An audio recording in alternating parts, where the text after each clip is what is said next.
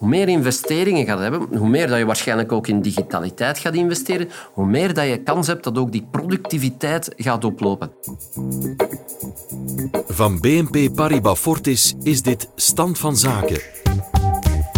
Een podcast met hoofdeconoom Koen Deleus en Chief Strategy Officer Filip Gijsels.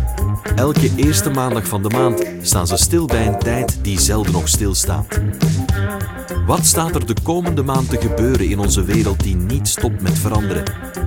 En wat betekent dat voor de economie, voor de markten en voor jou? Koen en Filip overlopen het met Filip de Rijke van Communicatie.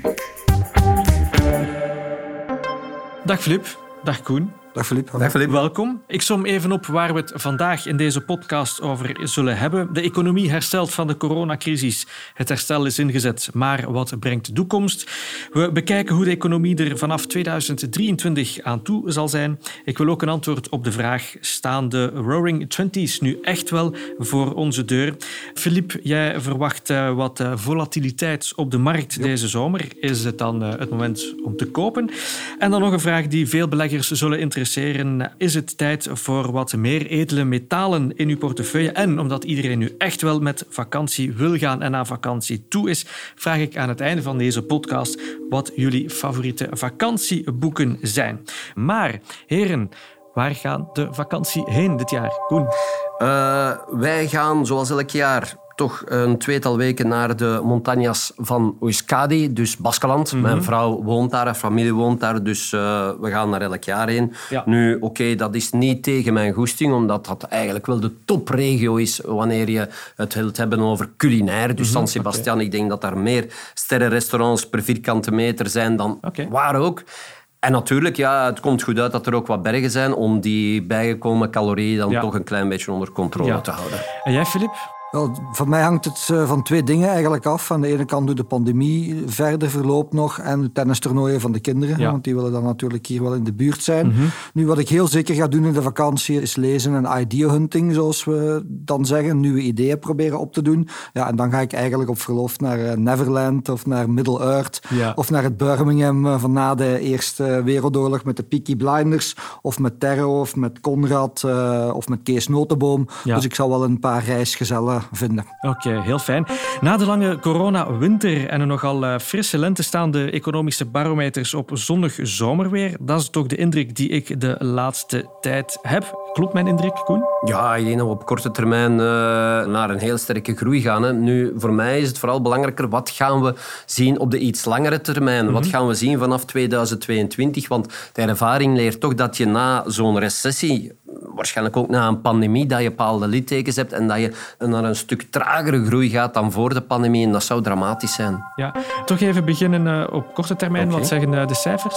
Wel, ja, je ziet daar dat de, dat de vaccinatiegraad heel sterk oploopt. Zeker in België, maar ook in de rest van Europa, de rest van de mature landen. Je ziet in de Verenigde Staten daar de groei is opgetrokken naar 7 procent, wat dus natuurlijk verschroeiende groei is. Mm -hmm. België zien we in 2021 groeien met bijna 5 procent, wat een stuk beter is dan de eurozone. Vooral omdat we een heel sterk eerste trimester hebben uh, gehad. En dan tweede helft van het jaar ja, zien we eerder een 3 procent.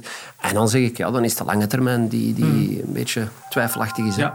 Filip, wat zeggen de aandelenmarkten? Wel, dankzij de goede economische cijfers van Koen, of de goede economische cijfers in het, in het algemeen, ja. uh, hebben we natuurlijk ook zeer mooie bedrijfswinsten ja. gezien. En uh, dat heeft de markt stevig ondersteund. Hè. Dat betekent dat na toch al op sterke jaar van de bodem vorig jaar, dat we ook de eerste helft van dit jaar een zeer goede beurs hebben gehad. Nu, de laatste weken en maanden hangen die beurzen eerder wat horizontaal. Want er zijn eigenlijk een paar kapers op de kust. De inflatie is wat aan het oplopen. En daarmee ook de angst dat de rente omhoog gaat. Of dat de centrale banken een beetje het geweer van schouder gaan moeten veranderen.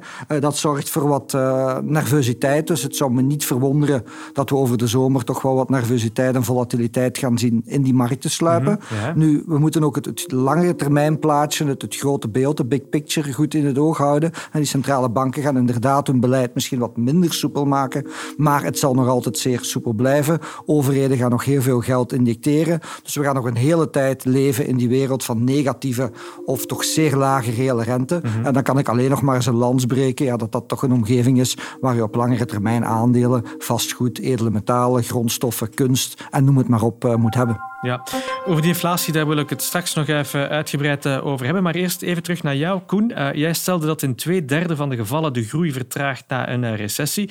Gaan we na het stevig herstel dat we hebben gekend tot 2022 naar een groei die nog lager is dan die na de eurozonecrisis? Want die groei was heel erg traag, als ik mij niet vergis. Je vergist je niet. Je vergist je bijna nooit trouwens, Filip. Dank je wel. maar uh, die groei was zeer traag. Als je kijkt naar het herstel van 2012, ja, dan zie je dat je daar met een groei zat die het laagste was sinds de Tweede Wereldoorlog. Okay, ja. En dat had natuurlijk te maken met littekens die overgebleven uh, waren. En dan is er natuurlijk een groot risico dat je naar zo'n Japan-scenario gaat afstevenen. Mm -hmm, ja. We hebben het daar vorige keer over gehad. Absoluut. En dat wil je dus absoluut niet. Nu... Die littekens, hoe groot zijn die? Dat hangt af natuurlijk van hoe zwaar je ongeval is geweest. Ja. Hoe zwaar je recessie is geweest. En ja, bij deze recessie zou je toch wel kunnen verwachten dat je heel serieuze littekens hebt. Ja, maar, maar, welke littekens? Welke wel, littekens dan? Wel, de littekens, je hebt een vijftal verschillende littekens. Je hebt één, meer faillissementen. Het zijn er niet. Twee, je hebt hogere werkloosheid is ook vandaag serieus beperkt. Mm -hmm. Drie, je hebt schuldniveau. Het schuldniveau op het hoogste niveau ooit. Maar je ziet dat die schulden eigenlijk bij de tussenhaakjes juiste partijen is. En dus niet bij de banken en niet bij de huishoudens. Ja. Dus ook dat is geen ja. groot probleem. Ten vierde heb je dan de investeringen bij de bedrijven.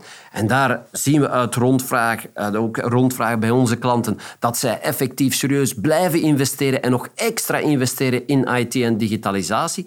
Het enige litteken dat we echt wel zien, ja, dat is dat er meer zombiebedrijven zijn. En alles heeft daar te maken met die minder littekens, met het feit dat de overheid veel krachtiger heeft ingegrepen. Ja, maar als er minder littekens zijn, wil dat dan zeggen dat het pad geëffend is naar ja, die doorbraak of de komst van die Roaring Twenties, uh, Flip? Wel, als ik aan de Roaring Twenties denk, dan denk ik aan de Great Gatsby van Scott Fitzgerald. Ja. Maar mm-hmm. dan denk ik ook aan de crash van 29, die na het feest kwam. Ja. Dus ja, dan misschien toch maar liever niet. Dus ik, ik kan wel volgen. Ik zie wel elementen die ook in de twenties aanwezig waren. Nu, ik zou deze periode eigenlijk liever vergelijken met de 60s en de 70s. Mm-hmm. Ik zie toch een aantal dingen die daar toch gelijkaardig zijn. Big government, uh, grondstoffenprijzen die aan het stijgen zijn, inflatie die aan het oplopen is. Dus toch een aantal uh, ontwikkelingen. Dus je kan nooit periodes één op één vergelijken, maar als ik ergens een periode zou moeten nemen, dan neem ik als werkhypothese voor de situatie van vandaag toch de 60s en de 70s. Ja, zie jij parallellen met de Roaring Twenties, Koen? Wel, ja, Ongetwijfeld zit hij daar natuurlijk dus ook met de Spaanse griep. Je zat met de grootste pandemie in 1919, 1920.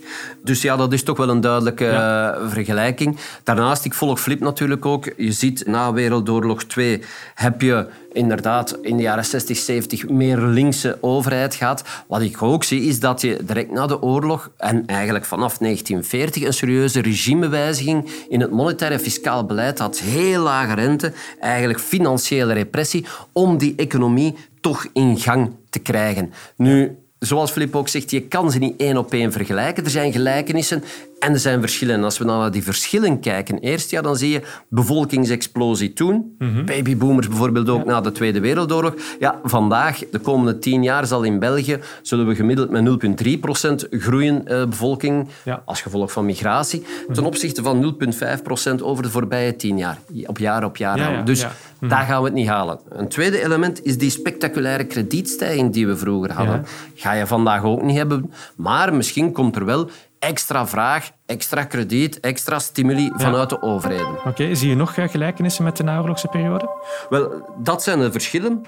Wat we vandaag zien als gelijkenissen, dan denk ik aan de heropbouw van de economie na de Tweede Wereldoorlog, infrastructuursgewijs, en de klimaattransitie die er gaat okay, zijn. Ja. Want daar ga je natuurlijk ook serieuze investeringen hebben en ga je dus ook die overheidsinvesteringen gaan terug hebben. En grote overheidsinvesteringen wil ook zeggen veel private investeringen. Dus dat is één motor. Mm -hmm. Een tweede motor hoe meer investeringen gaat hebben, hoe meer dat je waarschijnlijk ook in digitaliteit gaat investeren, hoe meer dat je kans hebt dat ook die productiviteit gaat oplopen.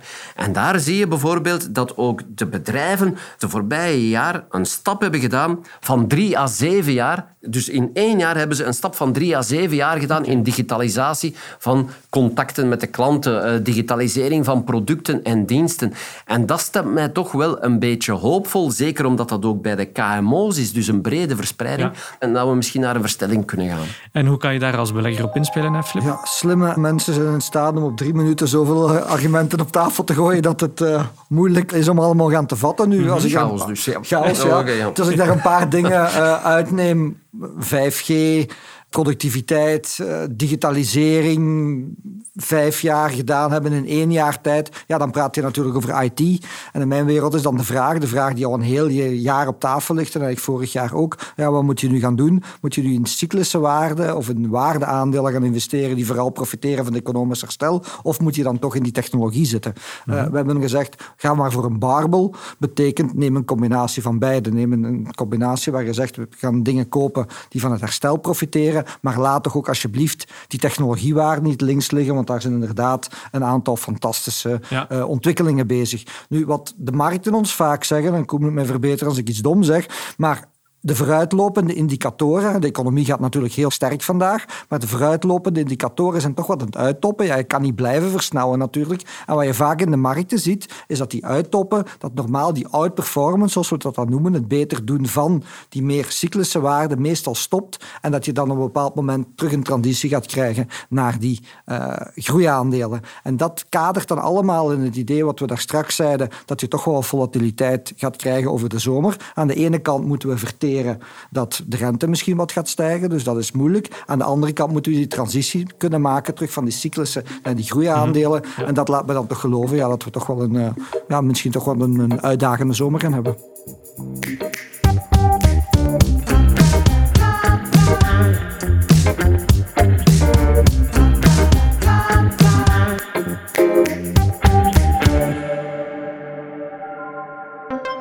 Heren, we hebben het in de, de vorige podcasts al uh, gehad over inflatieverwachtingen die een stevige impact uh, hebben op de beurskoersen. De afgelopen maanden waren er ook al tekenen dat die inflatie de hoogte zou ingaan, dat de dingen dus duurder zouden worden of zullen worden.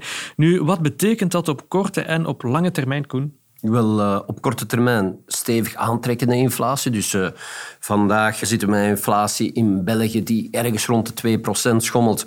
Uh, dat zou rustig richting 2,5, bijna 3% kunnen zijn tegen het einde van het jaar. Maar dan door basiseffecten en zo zien we die inflatie begin volgend jaar wel terugvallen terug naar 1,7, 1,8, om dan heel geleidelijk te stijgen. Dus op korte termijn zitten we inderdaad in een zeker inflatoir klimaat. Op iets langere termijn, maar echt echt lange termijn, ja, zeker als dat huwelijk aanhoudt tussen monetaire en fiscale overheden, zou het inderdaad hmm. ook nog wel eens serieus kunnen verstellen. Maar dan spreek ik over 2024, 2025. Flip, wat denk jij? Wel, ik ben iets uh, hawkischer, havikachtiger op die inflatie. Dus ik, ik ben het er absoluut mee eens dat we een aantal elementen hebben die van voorbijgaande aard zijn. Hè. Onze vergelijkingsbasis is nu heel moeilijk, heel laag, want je vergelijkt met lage inflatie van vorig jaar.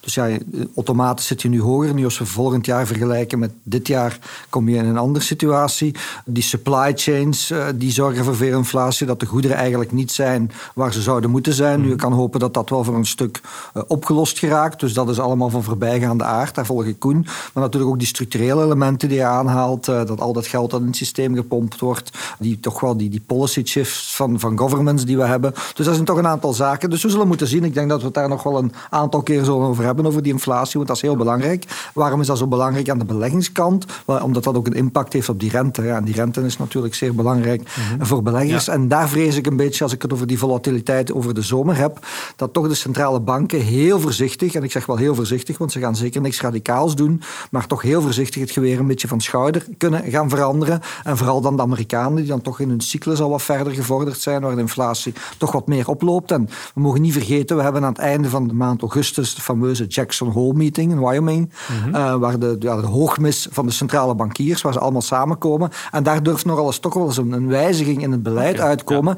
Die wijziging zou dan voor een stuk tapering zijn, minder gaan aankopen. Maar dat betekent eigenlijk ook, als je dat wilt gaan doen eind augustus, dat je nu stil aan de markt moet beginnen klaarmaken daarvoor. Je kan daar zomaar niet mee komen, want dan zou dat echt een schok zijn. Dus ik verwacht wel dat die toon van de centrale bankiers wat havikachtiger wordt over de zomer. En dat kan dan ja, voor toch wat nervositeit zorgen. Ja.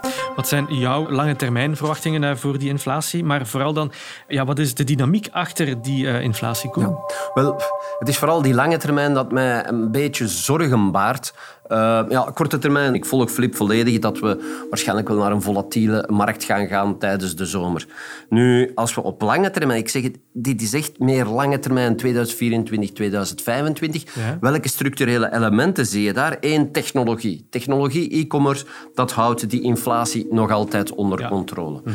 Tweede, inkomensongelijkheid. Inkomensongelijkheid wil zeggen dat mensen die iets minder verdienen, normaal gezien, als ze een extra euro of dollar verdienen, dat ze die volledig uitgeven. Dus hoe meer de inkomensongelijkheid er is, hoe minder dat er eigenlijk geconsumeerd wordt van wat er extra wordt verdiend. Mhm. Want de iets rijkeren, die sparen praktisch alles. Ja. Maar daar vraag ik mij dan af, Oké, de pandemie heeft die inkomensongelijkheid nog vergroot, maar gaat dit geen katalysator zijn om de omgekeerde weg te doen? En dan zien we bijvoorbeeld dat in Amerika dat je daar naar een minimumloon gaat. Dan zie je bijvoorbeeld dat hier in de gezondheidssector dat er premies worden gegeven. Dus ik zie daar eigenlijk een katalysator naar minder ongelijkheid. En misschien in plaats van dat dat eerder de inflatie drukt, gaat dat in de toekomst de inflatie eigenlijk een beetje meer de hoogte induwen.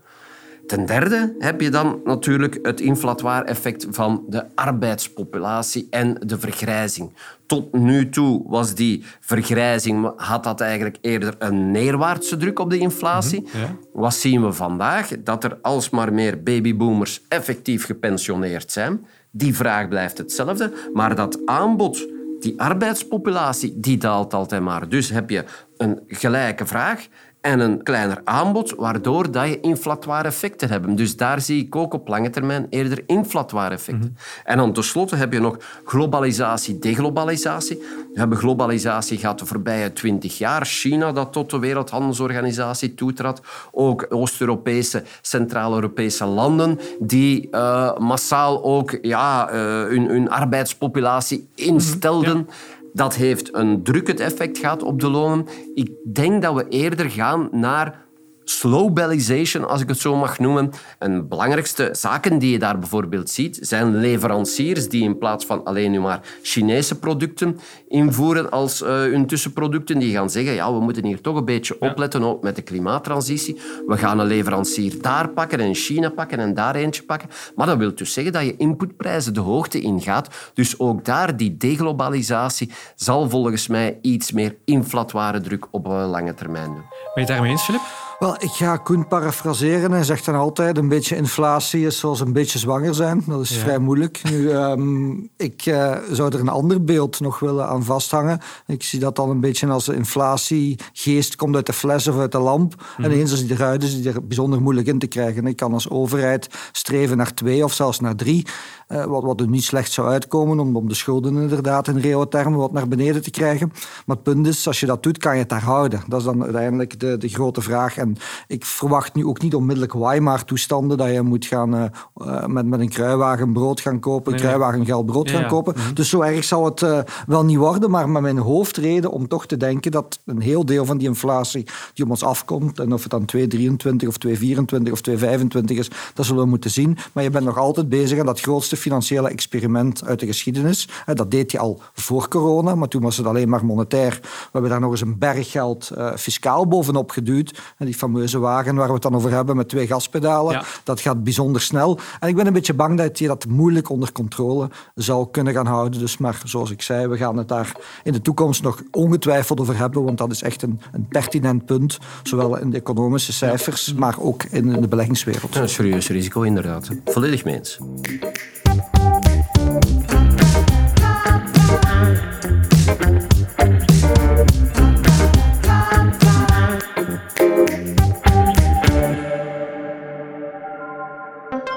Koen en Filip, in jullie eh, Economic Outlook van onze bank voor de tweede jaarhelft spreken jullie over een supercycle voor de grondstoffen. Ik heb daar een paar vraagjes over. Wat is dat eigenlijk precies en waarom verwachten jullie nu net uh, nu een stierenmarkt voor de grondstoffen en wat verstaan jullie precies onder die grondstoffen? Koen. Grondstoffen, ja, dat zijn eigenlijk de basisproducten waarvan je vertrekt om voedsel te maken. Komt dus uit de landbouw, dus spreken we over granen, spreken, kunnen we ook over appelsines spreken mhm. bijvoorbeeld. Energiewinning, en dan heb je natuurlijk de petroleumproducten. Maar dan heb je natuurlijk ook de metalen, uh, die komen uit die mijnbouw. En ik denk, als we dan echt over die boelmarkt spreken, dan denk ik dat Flip vooral spreekt over die metalen, dat daar toch wel een potentieel is voor een serieus stijgende markt tijdens de komende maanden. Is het niet, Flip? Ja, inderdaad. Je hebt eigenlijk cyclische markten hè, die op en af bewegen. Dat is een cyclisch moment. Maar als je praat over supercycle, ja, dan praat je over een langdurige beweging van een heel aantal jaren. En dan praat je niet over een stijging van 20 of 30 procent, maar dan praat je over 100, 200, 300 en 400 procent. Dus dat is eigenlijk een supercycle. En zo'n supercycle wordt meestal gedragen door elementen aan de vraagzijde en aan de aanbodzijde. Ja, oké. Vandaar de verwachte stijging van die prijzen. Maar hoe komt het in feite dat het aanbod beperkt en de vraag zo groot is? Ja, de vraag is, is misschien het simpelste om te beantwoorden. Je hebt vragen uit China nog steeds, uh, die, die heel veel grondstoffen vragen. Je hebt die wereldeconomie die aantrekt. En dan is er die elektrische revolutie natuurlijk. Als je hele mhm. maatschappij die op olie gebaseerd is ineens gaat omzetten naar elektriciteit, ja, dan heb je heel veel batterijen nodig. En als je heel veel batterijen nodig hebt, wel, dan heb je heel veel nikkel en, en, en kobalt en, en, lithium en koper en noem het maar op nodig. Uh, En dat is een element wat we denk ik nog onderschatten. Want die. Uiteindelijk, die, die elektrische versnelling die is heel sterk. Dat is niet meer alleen Tesla, maar dat zijn ondertussen alle autoproducenten die daarmee bezig zijn. Dus ik denk dat we die vraag nog onderschatten. En aan de aanbodzijde, en daarom zijn grondstoffen iets makkelijker, ik zeg wel iets makkelijker, want makkelijk is het nooit, maar iets makkelijker te voorspellen dan andere dingen, omdat je natuurlijk vrij ver in de toekomst kan zien naar het aanbod toe. Als ik mhm. vandaag nieuwe capaciteit in koper wil, wel ja, dan kan ik vandaag beslissen dat te doen. Moet ik investeren? Moet ik milieuvergunningen krijgen? Moet ik financiering krijgen? En dan duurt het vijf, tien of soms zelfs mhm. langer jaren voordat ik effectief dat extra aanbod heb. Dus dat betekent, ja, als die vraag stijgt en dat aanbod kan een tijdje niet volgen, dan komen die grondstoffen, zoals we dat dan noemen, in deficit. Dat wil zeggen dat de vraag structureel groter is dan het aanbod. Uh, en dan kan je natuurlijk heel uh, spectaculaire dingen zien in die prijzen. Maar goed, wie metalen en ertsen zegt, die zegt natuurlijk ook uh, mijnbouw. Hoe kan je dat rijmen met de duurzame doelstellingen van BNP Paribas Fortis en van onze beleggende klanten, Filip? Ja, Philippe, dat is ook een vraag die we vaak van onze cliënten mhm. krijgen. Ja. Um, hoe rijm je dat? Want zowel onze bank ligt heel die groene investering uh, heel nauw aan het hart en bij onze cliënten eigenlijk ook. Nu, er zijn een aantal elementen. Eerst en vooral een, een noodzaakelement zou ik het noemen. Je hebt die grondstoffen nu helemaal nodig. Als je naar elektrische wagens wil gaan, heb je lithium nodig, kobalt, nikkel. Oké, in de toekomst vinden we misschien iets anders uit, maar op dit moment heb je dat nodig. Nu, het tweede element is, ja, hoe rijm je dan natuurlijk die mijnbouw met die SRI, Social Responsible Investing, en met die ESG, Environmental, Social and Governance. Mhm. nou, dat is eigenlijk dan meer over de manier hoe je dat gaat winnen op sociaal gebied, dat dat allemaal niet met uitbuiting is en dat daar de belangen van de werknemers gerespecteerd worden en zo verder enzovoort. Wel, dat is een beetje een moeilijke, maar wat ik wel zie, is dat de mijnbouwsector toch ook wel stevig aan het evolueren is. Ik had de kans om uh, recent een, een, mijnbouwcongres in Vancouver, dat is een beetje het, het, het mekka van, van de mijnbouw, bij te wonen, virtueel weliswaar. En als je daar naar luistert, dan hoor je hoeveel dat die over die SRI en die ESG bezig zijn, zijn daar echt mee bezig. Mhm. Eh, en dat zijn geen loze woorden. En ze proberen bijvoorbeeld, mijnbouw is heel energieintensief, ze proberen dan voor een heel groot stuk energie op een milieuvriendelijke manier gaan te winnen. Mijnbouw betekent ook vaak gaten in de aarde boren, wat ook niet zo milieuvriendelijk is. Wel, ze proberen dat dan te doen met die technologie van Koen, nieuwe technologische ontwikkelingen, eh, seismografische technieken, mhm. dat je niet meer zoveel moet boren bijvoorbeeld. Dus daar wordt een, een, een belangrijke stap gezet. En ik denk dat binnen 10 tot 15 jaar die mijnbouwsector eigenlijk niet meer terugkent. En daar zijn altijd leaders en leggers. En ik denk dat onze investeerders en onze bank daar een belangrijke rol in spelen. Want je zet net druk op die mijnbouwbedrijven om dat zo gaan te doen. Want anders krijg je geen investeringsgeld, wat voor hun heel belangrijk is. Dus aan die kant heb je niet alleen de elektrische revolutie, maar je hebt ook wel dat je iets doet voor de maatschappij, voor de planeet. Want je zet eigenlijk druk op die sector om gaan te veranderen. En ik ben daar eigenlijk wel heel positief over. Ja, want dat ze niet veranderen er inderdaad, zoals Flip zegt, hun kost van kapitaal gaat stijgen. En dan ga je inderdaad de leaders ga je een beetje belonen, de leggers die ga je afstraffen. Ja, ten tweede, het is ook zoals Filip zegt, eh, je kan zeggen over de mijnbouw wat je wilt, maar als je die transitie wil doen naar die nieuwe economie, heb je die mijnbouw, heb je die rare earth, heb je wel nodig om nieuwe elektrische wagens te maken enzovoort. Dus je hebt eigenlijk geen keuze. Ik heb me laten vertellen dat heel veel klanten um, heel veel vragen hebben over um, goud en zilver. Als ze bescherming in hun eh, portefeuille. Goud is erg duur op dit moment.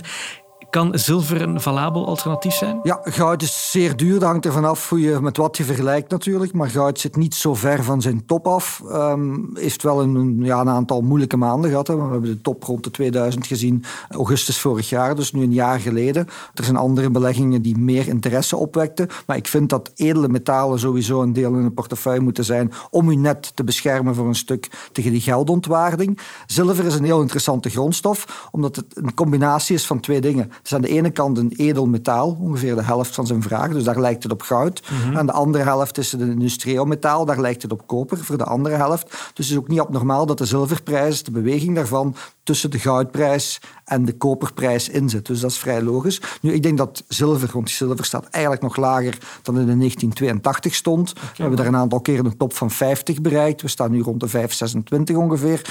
Dus ik denk wel dat dat ongeveer de goedkoopste grondstof op de planeet is. We zitten technisch met een aantal moeilijke niveaus. We hebben een aantal keren ons tanden stuk gebeten op het 30 niveau. Eh, als we dat succesvol zullen kunnen testen en daar kunnen doorgaan, mhm. dan denk ik dat we daar heel spectaculaire dingen gaan zien. Als je mij vraagt, wil je koper, wil je goud, wil je zilver, dan zou ik zeggen alle drie. Maar als ik er nog eentje zou moeten uithalen, met een revolver tegen mijn hoofd eventueel, of liefst niet, dan zou ik misschien toch eigenlijk nog voor zilver gaan.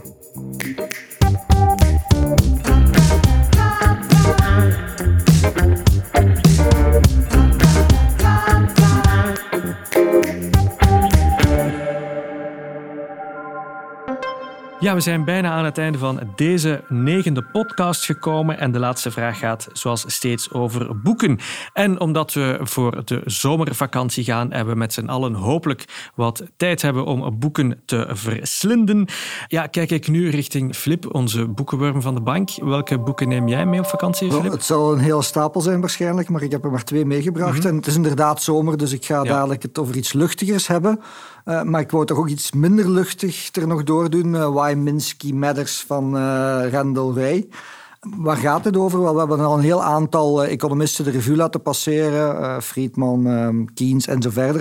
Ik vind uh, Minsky sowieso wel een economist die de moeite waard is om, om, om te lezen en, en te kennen. Mhm. en, en zijn bekendste quote of uitspraak of werk is wel de zogenaamde Minsky Moment. Nu, wat betekent het Minsky Moment? hij zegt, en eigenlijk is het heel simpel, maar het heeft wel diepgaande gevolgen, ook voor de markten vaak. hoe langer je stabiel bent en hoe langer er eigenlijk niks gebeurt, de groter de kans is dat er dan toch wel zo'n Minsky-moment komt en dat er wel iets gebeurt. Als ik dat dan toepas op de markten van vandaag, wel ja, dan zie je uiteindelijk dat we een sterke stijging hebben gehad sinds de bodem van februari, maart van vorig jaar bijna zonder volatiliteit, dus mhm. bijna een rechte lijn omhoog. Dus hoe langer dat, dat duurt, eh, hoe groter de kans dat er toch wel iets gebeurt. En zoals we in deze podcast zeiden, eh, zou dat over de zomer wel eens kunnen gaan gebeuren. Nu, een Minsky moment is altijd heel erg dramatisch. Dat is dan bijna de wereld die vergaat. Dus ik verwacht niet echt zo'n Minsky moment, een kleintje dan, maar toch de moeite om mee te nemen. En nu, het tweede boek uh, wat heb ik meegenomen is Michael Ritpad, Free to Trade. En vorige keer hadden we het over um, Ready Player One, dat over de ethisch ging. Wel, dit is ook weer zo'n eh, trip down to memory lane uh, in die 80s. boek is voorgaan in de jaren 80. Uh, heb ik toen gelezen, heeft toen een heel leuke impact op mij gemaakt. Is een trader, Michael Ritpad, of was een trader in de city in de jaren 80. Hij heeft dan dat boek geschreven wat ook gaat over marktenzalen. Het begint met, het was een slechte dag, want de koffiemachine was stuk en ik had zoveel... het is fictie, hè? Het is fictie en ik had zoveel miljoen uh, pond verloren. Maar hij schrijft over die marktenzaal die hij eigenlijk heel mhm. goed kent. En het tweede boek, ik heb het niet bij, maar is ook, ook de moeite waard. Trading Reality noemt dat. Uh, dat gaat ook over de obligatiehandel, maar op dat bepaald moment, en u moet weten, het is begin jaren 80 hebben ze zo'n bepaalde bril waar ze rechtstreeks in de obligatiemarkt kunnen kijken en dan zien wat er stijgt en daalt. Dus toen was dat natuurlijk fictie, maar mhm. vandaag zijn we daar niet meer ver vanaf, wat toch nog maar aangeeft ja, hoe snel die economische ontwikkeling gaat. Koen, wat ga jij lezen deze zomervakantie?